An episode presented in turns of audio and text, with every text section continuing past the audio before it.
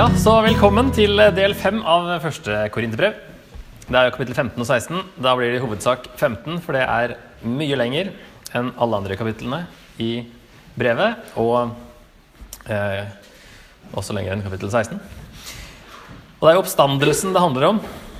Og Paulus sier i det kapittelet her at det er eh, helt avgjørende. Det er det viktigste egentlig i troen vår. Er, troen er meningsløs, og eh, evangeliet er tomt hvis ikke Jesus har fysisk stått opp fra de døde. Så det blir spennende å se på. I dag har jeg eh, tror jeg tre videoer, faktisk. Så vi eh, begynner med én. Det er eh, rett før jul, i november eller noe sånt nå, så begynte de da å De skulle restaurere den derre kirka i Jerusalem der de går ut fra at eh, Jesus ble gravlagt. Kirka er bygd oppå eh, graven, da. det er jo det er jo veldig sånn katolsk pilegrimssted, og det er veldig mange av de stedene som ikke er helt sånn man har eh, overbevist om at det er det ordentlige eller opprinnelige stedet. Men det her kan faktisk være det. Så det er National Geographic som driver og eh, undersøker, og de har tatt det bort Dere ser det i videoen at de tar bort eh, et sånt eh, de, Altså, de la jo noe over graven fordi folk tok med seg ting hjem. Sånne pilegrimer, ikke sant. så det måtte få en slutt på, så de måtte dekke til. Og så har ikke det dekket her, den steinhella, har ikke blitt tatt av på nesten 500 år. Så det er første gang de får se under der. Så vi får se om det blir noe klokere av denne videoen.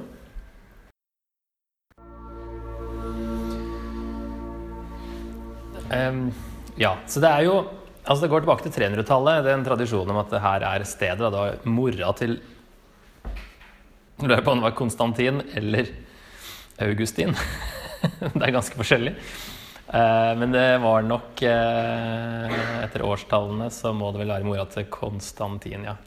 Som var i Jerusalem og spurte seg fram til hvor liksom, graven uh, til Jesus hadde vært. og sånt. Så vi vet jo ikke, men det er jo likevel spennende. Og det her er liksom ikke helt offentliggjort ennå. Jeg tror det kommer i mars eller noe sånt. At de skulle liksom komme med litt nyheter om hva de har funnet. Men så vidt jeg kunne skjønne, så fant de et sånn Under den hella de tok av, så fant de en helle til med sånn korsfarerlogo jeg, på. Som virker som at det er fra korsfarertida, som er altså rundt år 1000. Og så har de da kommet under det, det, det igjen for å se undersøke det som er under der. Så det er jo spennende. Ikke at det har noen ting å si for oss. altså Jeg tviler på at de finner noen ting der sånn, som beviser at Jesus aldri sto opp igjen fra de døde. Um, og det er, ikke sånn at, det er, det er ikke typisk protestantisk da, å være sånn veldig opptatt av hellige steder og sånt. Men det er likevel spennende det her å se hva de kommer fram til.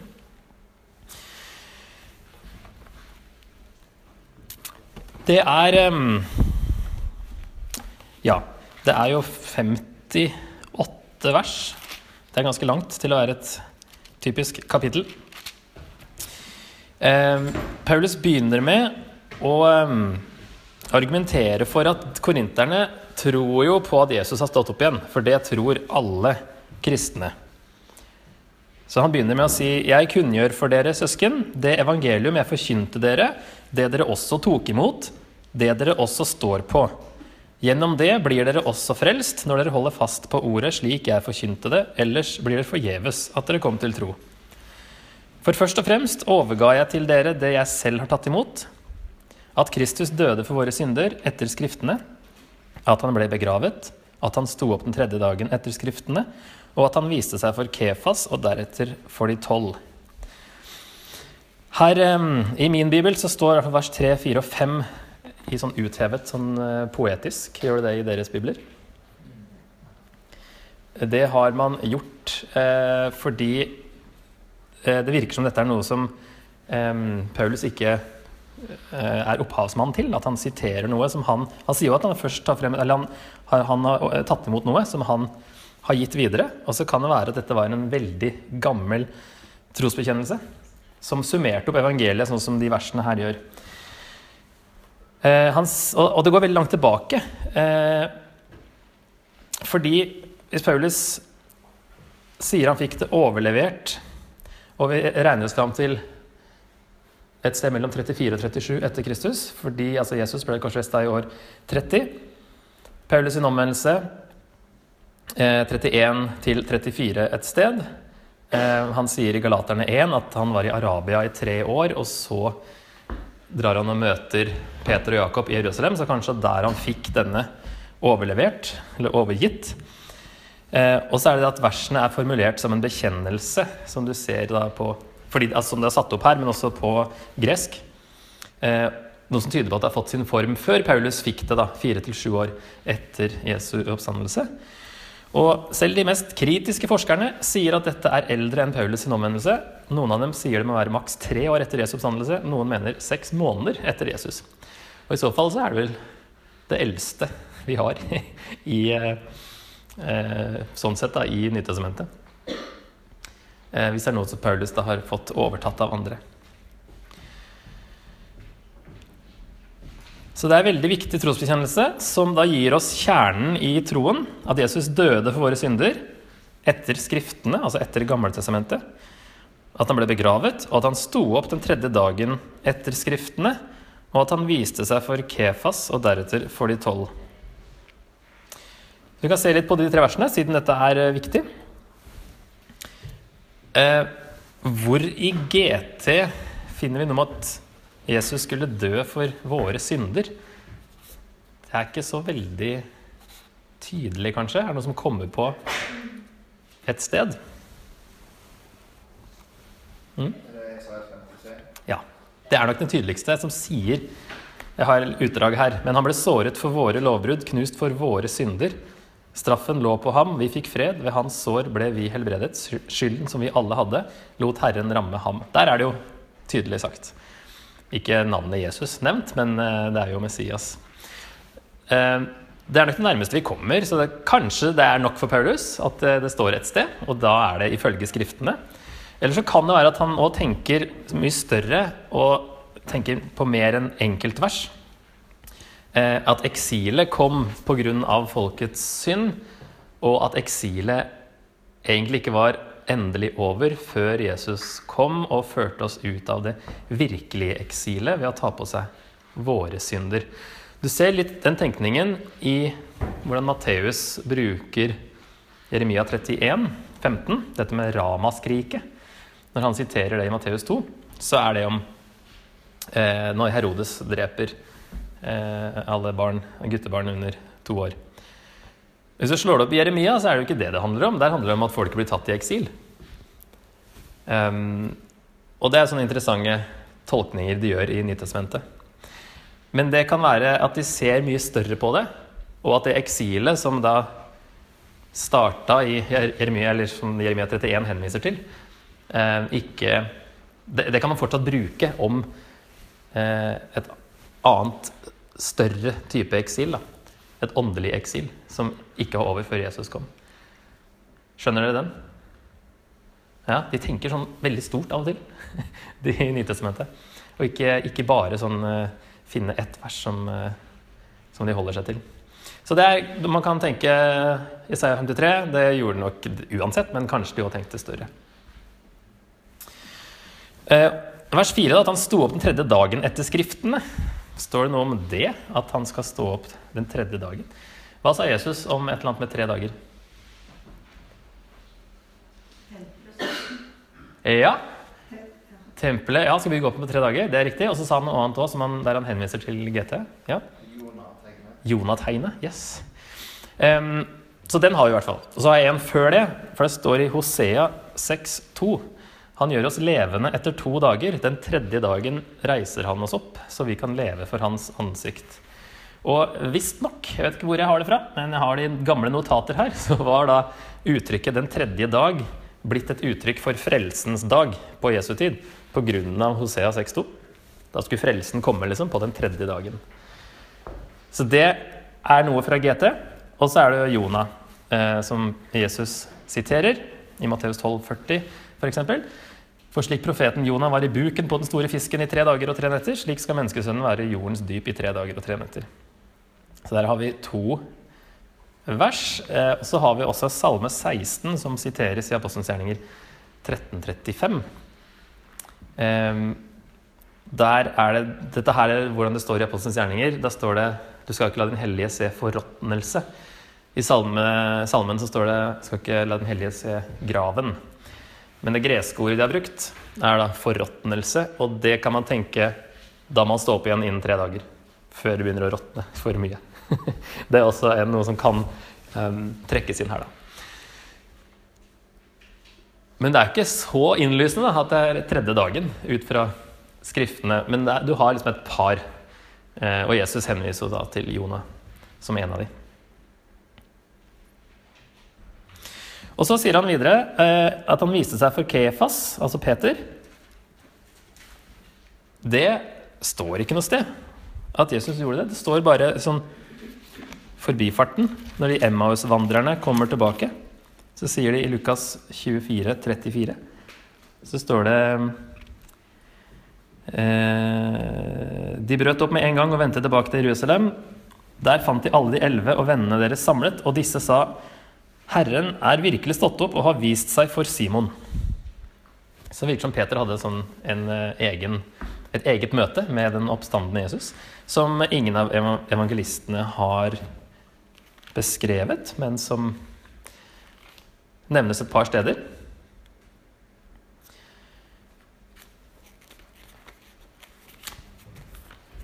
Eh, og så sier han etterpå Deretter får de tolv. Det gjorde han jo flere ganger. Det var for så vidt eh, elleve, eh, men eh, man sa likevel de tolv. Deretter viste han seg for mer enn 500 søsken på én gang. Det virker som det passer best med den gangen han viser seg altså helt til slutten av Matteusevangeliet.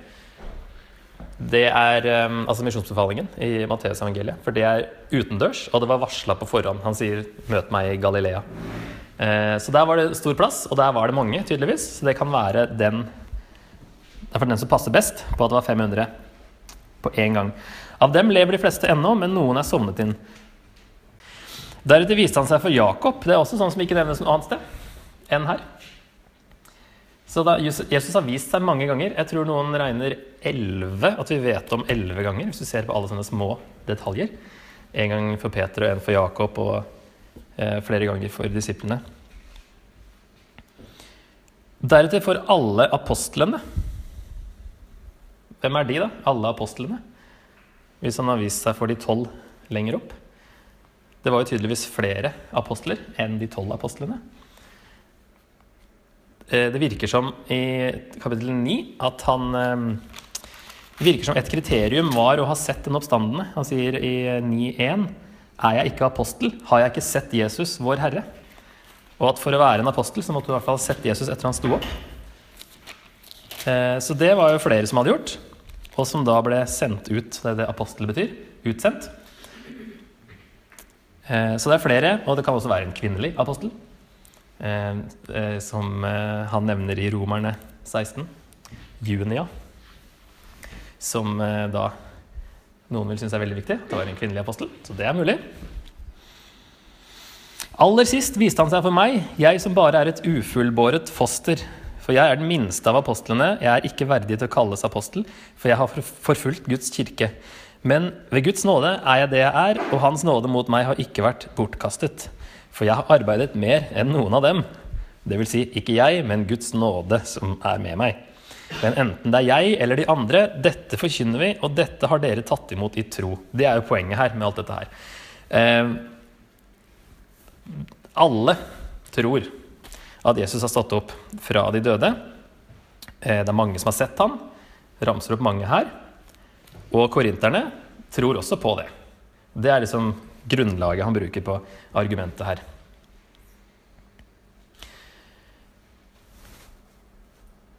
Og han skiller jo ikke mellom sitt møte med Jesus eh, og de andres møte. Selv om vi har liksom kanskje sett for oss at det var en sånn visjon han hadde. Så for Paulus så var det at han så Jesus, den oppstandende Jesus, på samme måte som de andre har gjort det.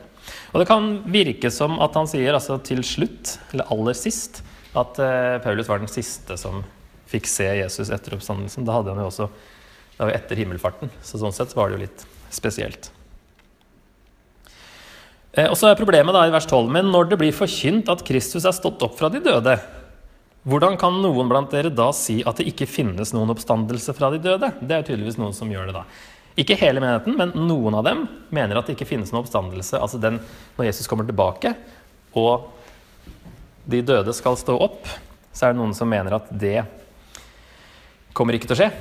Eh, det er jo vanskelig for en greker generelt å skulle tro på det, siden eh, ånd var godt, og det jordiske og det materielle, det fysiske, det var ondt i seg selv, sånn de, sånn de hadde vært vant til å tenke. Så derfor var det kanskje vanskelig å, å få en mer sånn jødisk, helhetlig tenke, tenking om kroppen. Og skaperverket er godt, og ikke bare det åndelige. For hvis de døde ikke står opp, er heller ikke Kristus stått opp. Men er ikke Kristus stått opp? Da er vårt budskap tomt, og deres tro er også tom. Da står vi som falske vitner om Gud. For da har vi vitnet imot Gud når vi sier at han har oppreist Kristus, noe han ikke har gjort hvis døde ikke står opp. For hvis døde ikke står opp, er jo heller ikke Kristus stått opp. Men hvis Kristus ikke er stått opp, da er deres tro uten mening, og dere er fremdeles i deres synder. Da er også de fortapt som har sovnet inn i Kristus. Hvis vårt håp til Kristus gjelder bare for dette livet, er vi de ynkeligste av alle mennesker. Det kan hende at de trodde at oppstandelsen allerede hadde skjedd. Det er i et par stykker han nevner i 2. Timoteus 2, som heter Hymeneos og Filetos, som uh, sier at oppstandelsen allerede har skjedd. Kanskje på en åndelig måte. Dette ble en sånn gnostisk uh, tolkning senere, på 100-tallet. Den store vranglæren. Første store trusselen da, eh, mot kirka var gnostisismen, som tolka det på en annen måte. Og da var, det, en, da var det, det åndelige var godt, og det materielle var ondt. sånn at Da var det en åndelig oppstandelse. Og du finner jo ting som at De brukte bibelvers til å støtte det. Paul, eh, jo, Paulus sier i Efesbrevet at vi sitter med Jesus i himmelen. Vi har blitt reist opp. Ikke sant? Det er jo åndelig eh, at vi har blitt reist opp sånn sett når vi blir frelst. Eh, fra åndelig død til åndelig levende. Så sånne vers brukte de. Eh, men eh, kirken som helhet da, argumenterte mot eh, og var uenig med det. Paulus sier her at det er ulogisk å tro at Jesus sto fra de døde, men ikke tro på de dødes oppstandelse. Da, hvis de tror på det ene, så må de tro på det andre også. At flere kan også stå opp fra døden. Og det er avgjørende den, for den kristne tro at Jesus har stått opp. Uten Jesu oppstandelse og hva den betyr, er evangeliet tomt, troen meningsløs og vi de ynkeligste av alle. Så det her er uh, viktig. Um, og noen vil jo mene at Paulus kanskje snakker om en åndelig oppstandelse her. Det er kristne som mener det. Jeg har ikke møtt på noen i Norge som mener det. Eller jo, jeg har ikke møtt på det, men jeg vet om noen prester som uh, fikk prekeforbud fordi de begynte å, å, å, tolke Jesu oppstandelse som en åndelig oppstandelse. Um, og en autoritet på dette her, NT Wright, han skriver et sitat her. På de ulike språkene på den tiden betydde ikke oppstandelse at Jesus, eller kanskje sjelen hans, hadde overlevd på et ikke-kroppslig vis. Det var akkurat det det ikke betydde. Det fantes ord for å beskrive en slik ikke-kroppslig overlevelse av døden. Ordet oppstandelse var annerledes. Det betydde et nytt kroppslig liv etter en periode med å ha vært kroppslig død. Så hele definisjonen av det ordet er fysisk oppstandelse. Ut fra hvordan det ble brukt på den tida i alle kilder vi vet om. Så det som argumenteres for åndeoppstandelse, er da bare at han fortsatt er fysisk død, men stoppet opp åndelig? Ja. Jeg har noen eh, sitater nå som jeg googla bare for moro skyld. For det finnes jo likevel alternative tolkninger. Mm, om han ble bokstavelig reist opp fra de døde, er irrelevant, fordi hans ånd lever videre, og det er det som gjør ham verdt å følge. Og noe som henger sammen med det, Hans etterfølgere blir selv oppreist til å være hans nye kropp, og derfor lever ånden hans videre. Det kan man jo si er bibelsk, men det betyr ikke at Jesus eh, ikke sto opp for det. Eh, de som ikke tror at Jesus ble reist opp fra de døde, kan fortsatt feire Jesu oppstandelse som en metafor for ulydighet og motstand mot riket. Altså mot verden, kanskje, da, som rike. Eh, og en som var veldig overraskende her, 1. Korinter 15, 17 sier, og der er det han sier hvis Kristus ikke er stått opp, da er deres tro uten mening, og dere er fremdeles i deres synder. Dette er korrekt, siden oppstandelsen gjorde det mulig for Kristus å bo i de troende og lede dem. Hvis han ikke hadde stått opp, kunne de ikke bli ledet og ville fare vill. En spenstig tolkning av at da er det fremdeles i deres synder. For de kunne ikke bli ledet i riktig retning. Eh, Jesus sjel, den opplyste bevisstheten, kunne ikke dø, og han hadde materialisert seg for disiplene like etterpå. De første kristne kjente kraften av hans oppstandelse, som Paulus skrev. Også vi har tilgang til den kraften, visdom, lys og kjærlighet. Eh, det blir jo platonisme eller gnostisisme ut av mye av det her. Eh, og Jehovas vitner de tror på en åndelig oppstandelse. Av to grunner, virker det som. Eh, det ene er at de mener at Jesus, siden han ikke er Gud, så konkluderer de med at han er erkeengelen Mikael, som ble Jesus, og som ble Mikael igjen. Så der har de tatt noen vers der det høres ut som at Jesus sto opp åndelig, uten å kanskje definere hva åndelig betyr, det skal vi se på senere. Og så lar de det styre alt det andre, der Jesus er fysisk og blir tatt på og sier 'ta på meg', da. Kjenn, jeg er ikke spøkelse. Eh, og så hadde Jesus da lånte seg en kropp med et uh, hull i siden liksom, for å overbevise disiplene og sånne ting. Det blir mye rart ut av det. Den andre grunnen er at de mener at Jesus også kom usynlig igjen i 1914. Så det kan òg være en grunn til at de mener at han sto opp åndelig og ikke har en uh, fysisk, eller hadde en fysisk kropp. Ja, for de sier i sitt åndelige legeme for han så opp til himmelen. Hans gjenkomst ville derfor også være usynlig. Han skulle komme igjen i et åndelig legeme. Så der har de to, sine to grunner for å hevde det. Så jeg vet ikke, ja, de andre kanskje, Noen av de vil nok da bare ha vanskeligheter med å tro på mirakler i det hele tatt. Og tro at Jesus sto opp fra de døde. Og så finner de på andre tolkninger.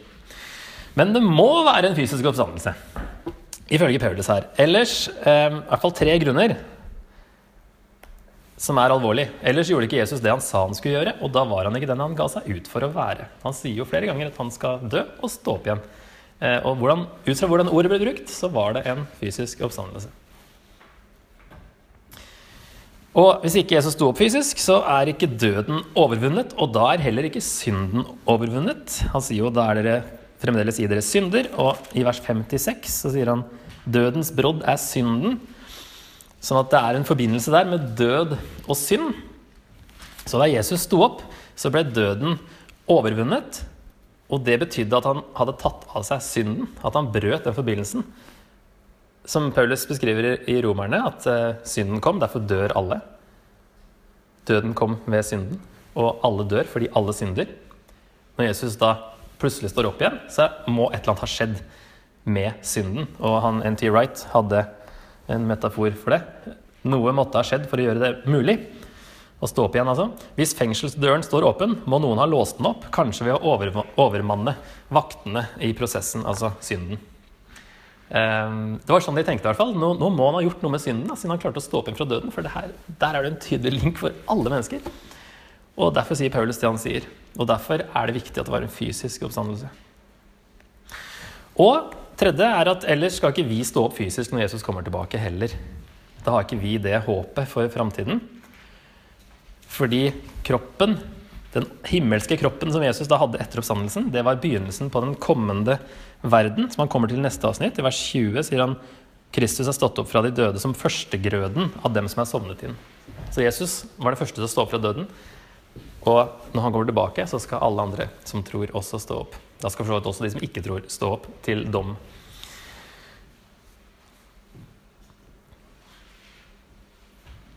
Og Jødene trodde jo på de dødes oppstandelse, bortsett fra sadukerene. De trodde jo ikke på det. Ehm, men de fleste andre gjorde det. Men de trodde det skulle skje helt på slutten, da liksom denne tidsalder var over. Og den nye tidsalder, den messianske tidsalder, skulle begynne. Eh, så det vil være begynnelsen da på liksom neste fase. Så det var jo litt forvirrende at plutselig så skjer det midt inni denne tidsalder uten at den avsluttes og den nye begynner. Og så skjedde det bare én person, og ikke alle. Eh, men det betydde da, de skjønte da, det betydde at den kommende verden hadde begynt på et eller annet vis når Jesus kom og Jesus sto opp igjen. Så det peker fram mot når han kommer tilbake, og resten um, kommer på plass. Og uh, den neste tidsalder begynner. Henger dere med? Forsiktige nikk. Ja. Hvis Jesus var førstegrønne, hos Holden, betyr det at han er en annen type oppstandelse enn f.eks. Lasarus? Mm. Ja, det er et godt poeng. Det er jo flere som blir vekka til live i uh, Nytestamentet, men de dør igjen senere. Så det, ja, det er noe annet. Er, uh, han hadde jo en, en, kropp etterpå der han Det er veldig interessant, så det kommer Paulus til senere her, med at han var fysisk, men likevel kunne plutselig gå gjennom låste dører. Uh, de kjente han igjen, de kjente han ikke igjen. Det er et eller annet som er veldig annerledes, og så er det likevel noe som er eh, likt som den kroppen han hadde. Så det prøver Paulus å forklare litt senere. Eh, da har jeg en video til eh, om eh, argumenter for oppstandelsen. Med en som heter Jon, som jobber i laget. Kristendommen står og faller på én hendelse Jesu oppstandelse. Paulus sier at dersom Kristus ikke er stått opp, da er troen uten mening. Hvis oppstandelsen ikke har skjedd, da faller kristendommen sammen som et korthus. Men hvis det har skjedd at Jesus faktisk ble levende igjen, da er det grunn til å stole på at kristendommen er sann. Så spørsmålet om Jesu oppstandelse er veldig viktig. Og siden Bibelen påstår at dette er en historisk hendelse, så er det mulig å undersøke hva som faktisk har skjedd. Og hva kan vi vite med god grunn? Først så må vi avklare noe viktig. Har Jesus i det hele tatt levd? På internett vil du finne folk som hevder at Jesus aldri engang har eksistert. Men vi kan jo ikke høre på konspirasjonsteorier på internett. Vi må høre på ekspertene. En av vår tids fremste eksperter på Det nye testamentet, Bart Ørmen, som selv er ateist, sier tidlige og selvstendige kilder indikerer med sikkerhet at Jesus har eksistert. Dette sier han fordi evangeliene blir sett på som gode historiske kilder, og at det finnes mange romerske og jødiske kilder til Jesus. Bredden av eksperter på dette området er enige. Jesus har eksistert.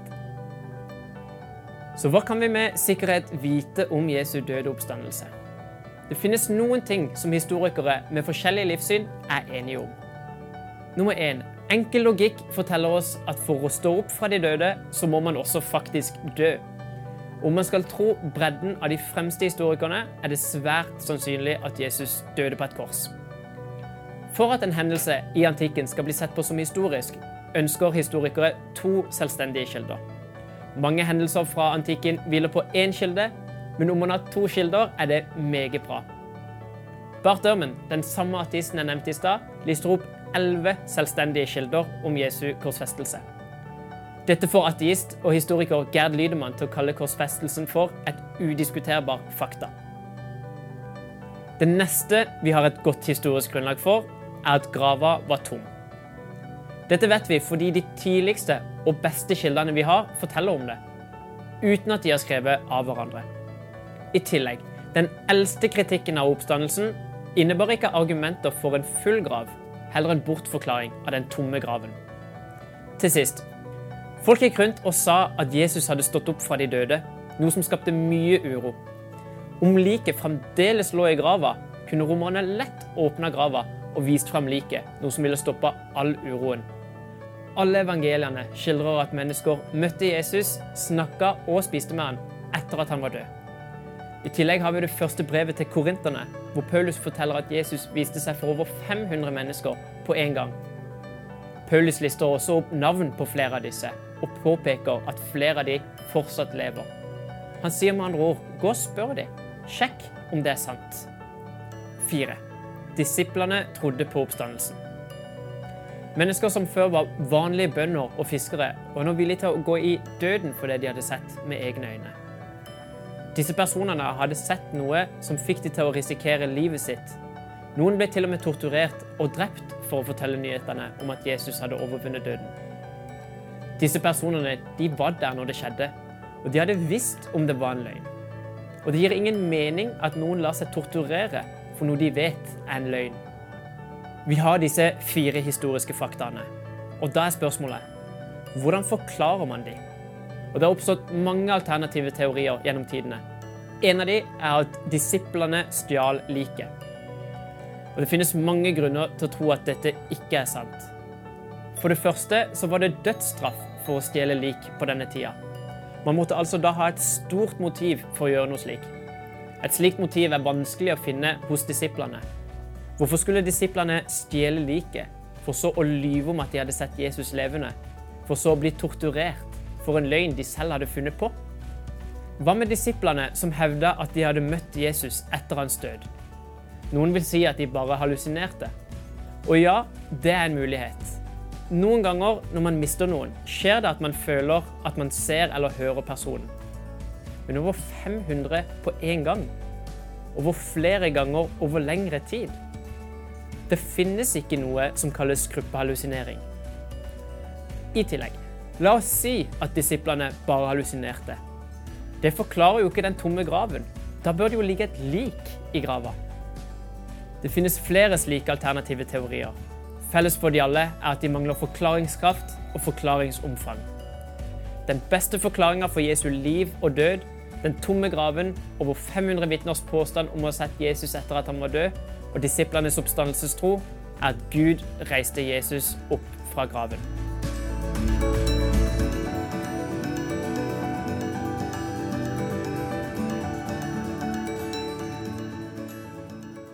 Du må egentlig ja, konkludere med eh, at eh, Bibelen ikke er til å stole på, eller at de har bare funnet på det som står teksten.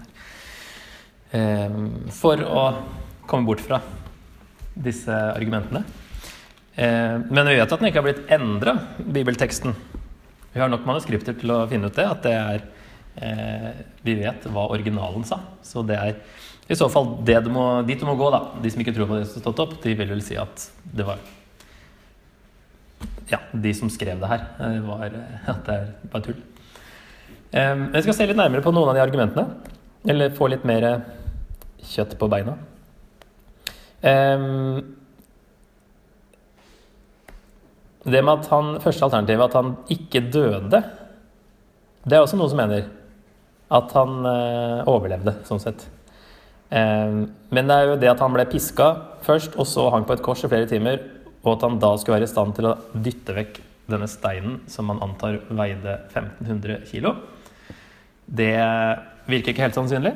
Og ville soldatene tatt ham ned hvis de ikke var sikre? Det, de um, brakk jo ikke beina hans, står det, fordi han allerede var død, men likevel så stakk det spydet for å sjekke. Så det eh, overbeviser jo ikke helt. Men det er en teori som flere holder seg til. Det andre alternativet som han var inne på, da, altså disiplene stjal liket, det var også at graven var bevoktet. Eh, disiplene var deprimert og desillusjonert illusjonert. Tortur og død gjør det usannsynlig at de ville holde på en løgn. Og Det tredje er at myndighetene stjal liket, men da kunne de bare vise det fram for å stoppe hysteriet om at han hadde stått opp. Eh, nummer to Jesus viste seg for disiplene. Dette er Rembrandt, tror jeg. Utrolig fysisk. Han i hvert fall har det. Du kan putte fingeren inn i det såret i sida. Så det beskriver godt eh, hvor fysisk han var. Eh, første alternativet da er at disiplene løy. Og da har man fått med seg altså de, alle de 500 som, som, så han, eller som at over 500 stykk påsto at eh, de hadde sett ham. Eh, mange ganger over flere uker.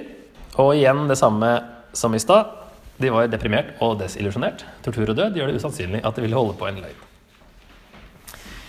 Eh, andre alternativet er eh, at de hallusinerte.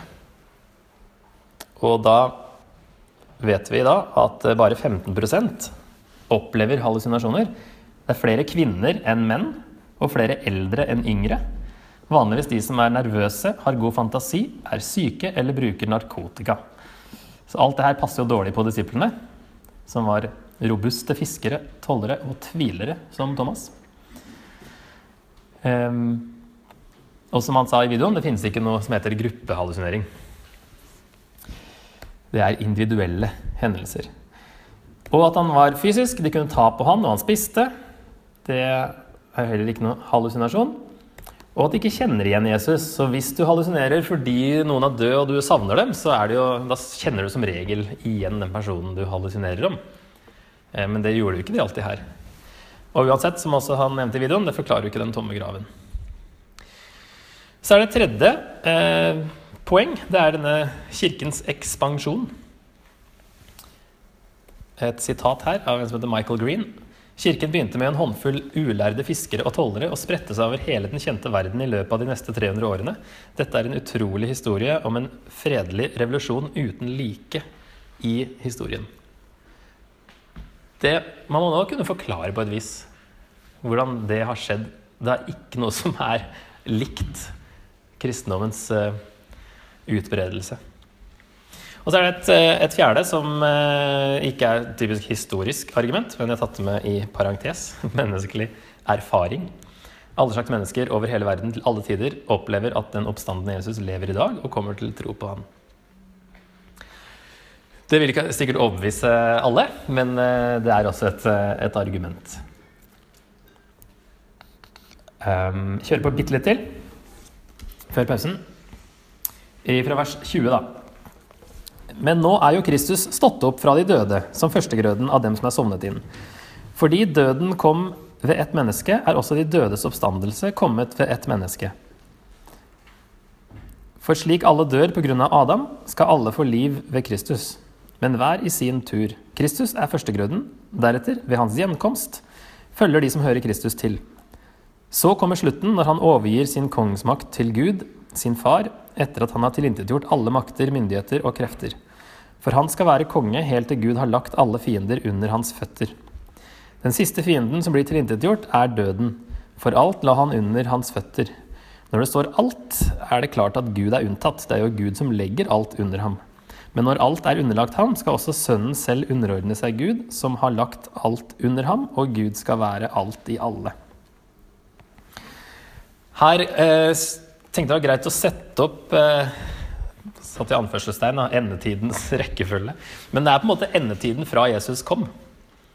Eh, som de ser på det Nytestamentet, at eh, endetiden det er eh, perioden mellom Jesus første, Jesu første og andre komme. Men her går han liksom fram og tilbake. Jeg tenkte det var greit å få satt opp eh, kronologisk. Eh, og det starta med at Jesus sto opp. Og så, i, nå, etter han sto opp, eh, så regjerer han som konge. Og det skal han gjøre helt til Gud har lagt alle fiender under hans føtter.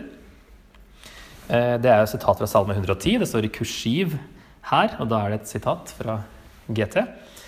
Eh, og det bruker de i Apostlenes gjerninger 2, 34, om Jesu posisjon nå, og ikke den han skal få når han kommer tilbake, at han da skal regjere. Men han regjerer nå som konge. Også hebreerne 10 og efeserne 1 kan du finne samme eh, tanke. Og så står de troende opp, og døden blir tilintetgjort som den siste fienden. Og Jesus har da tilintetgjort alle makter. Det er jo det som gjenstår. Han har jo overvunnet dem, men han har ikke tilintetgjort dem. Og det er da mens han regjerer som konge, så eh, skal døden da være den siste fienden som blir tilintetgjort. Og så overgir Jesus sin kongsmakt til Gud sin far og underordner seg Gud. Og så skal Gud være alt i alle, står det.